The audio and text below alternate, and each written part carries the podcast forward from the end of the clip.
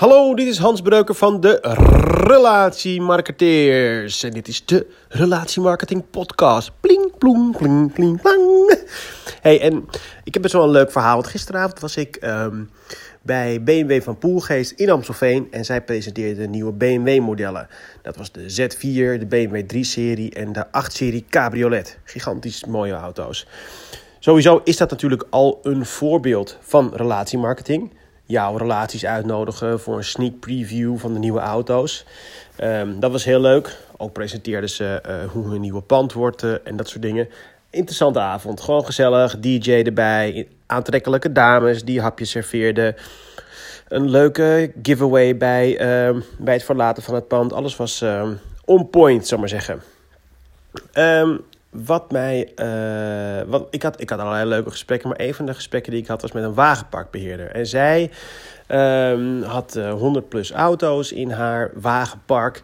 Dus ik vroeg me af, uiteraard altijd maar irritant met werk bezig, van um, hoe kun je als concurrent haar afpakken?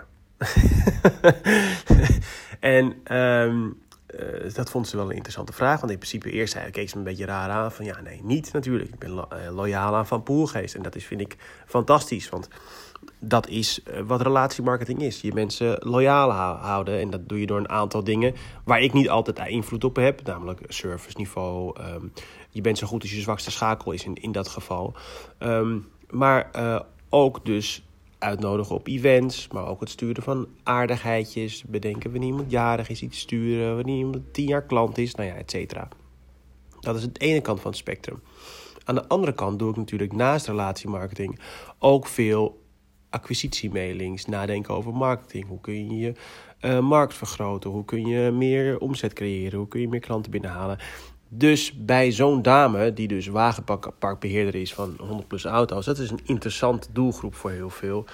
Um, nou, uh, acquisitie, zakelijke acquisitie, um, accountmanagers voor allerlei merken. En ik ken toevallig zo iemand, dus hij was daar ook mee bezig. Dus nou, wat zij altijd doen is bellen, bellen, bellen, bellen, bellen. Afspraken proberen te maken en te vertellen waarom zij zo goed zijn en ze naar hun moeten overstappen.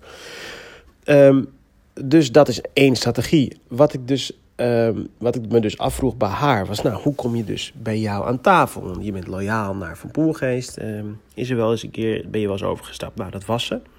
Uh, ze was eens een keer echt waardeloos behandeld. En daarna nog een keer. En dan was het gewoon uh, de tafel. Dat, dat hoofdstuk was gesloten. Ze ging naar een ander. Dus vroeg ik, nou, naar wie ging je dan toe? Waarom ging je dan meteen naar diegene? Had je toen een aantal mensen afgesproken? Ja, natuurlijk. Ik had wel een aantal mensen afgesproken. Maar de mensen die ik benaderde in eerste instantie waren degene die mij het meest hadden benaderd. En het leukst. En het sympathiekst. En um, het vaakst. Dus niet het vaakst van ik bel je elke week, maar het meest langdurig. De afgelopen jaren consequent een aantal leuke, mooie, interessante mailings of, of e-mailings of events waarvoor je iemand uitnodigt. En dat is vind ik de kern wel van acquisitiemarketing. En branding is niet dus dat je constant maar denkt: ik doe deze actie om nu dit resultaat te halen. Want het is allemaal in een lange termijn. Tuurlijk wil je graag acties en wil je graag snel resultaten. Maar vergeet ook vaak niet dan door te pakken. Dus je doet actie 1 in maart, actie 2 in juli, actie 3 in augustus en nog eens een keer het eind van het jaar. En dan kan het wel eens zo zijn dat je na twee jaar pas die klant hebt.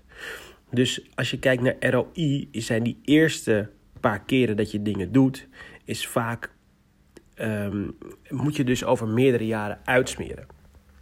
En dat bewijst dus de, de de meerwaarde van die branding, van die marketing en het lange termijn denken in de euro's die je uitgeeft op het gebied van sales en marketing.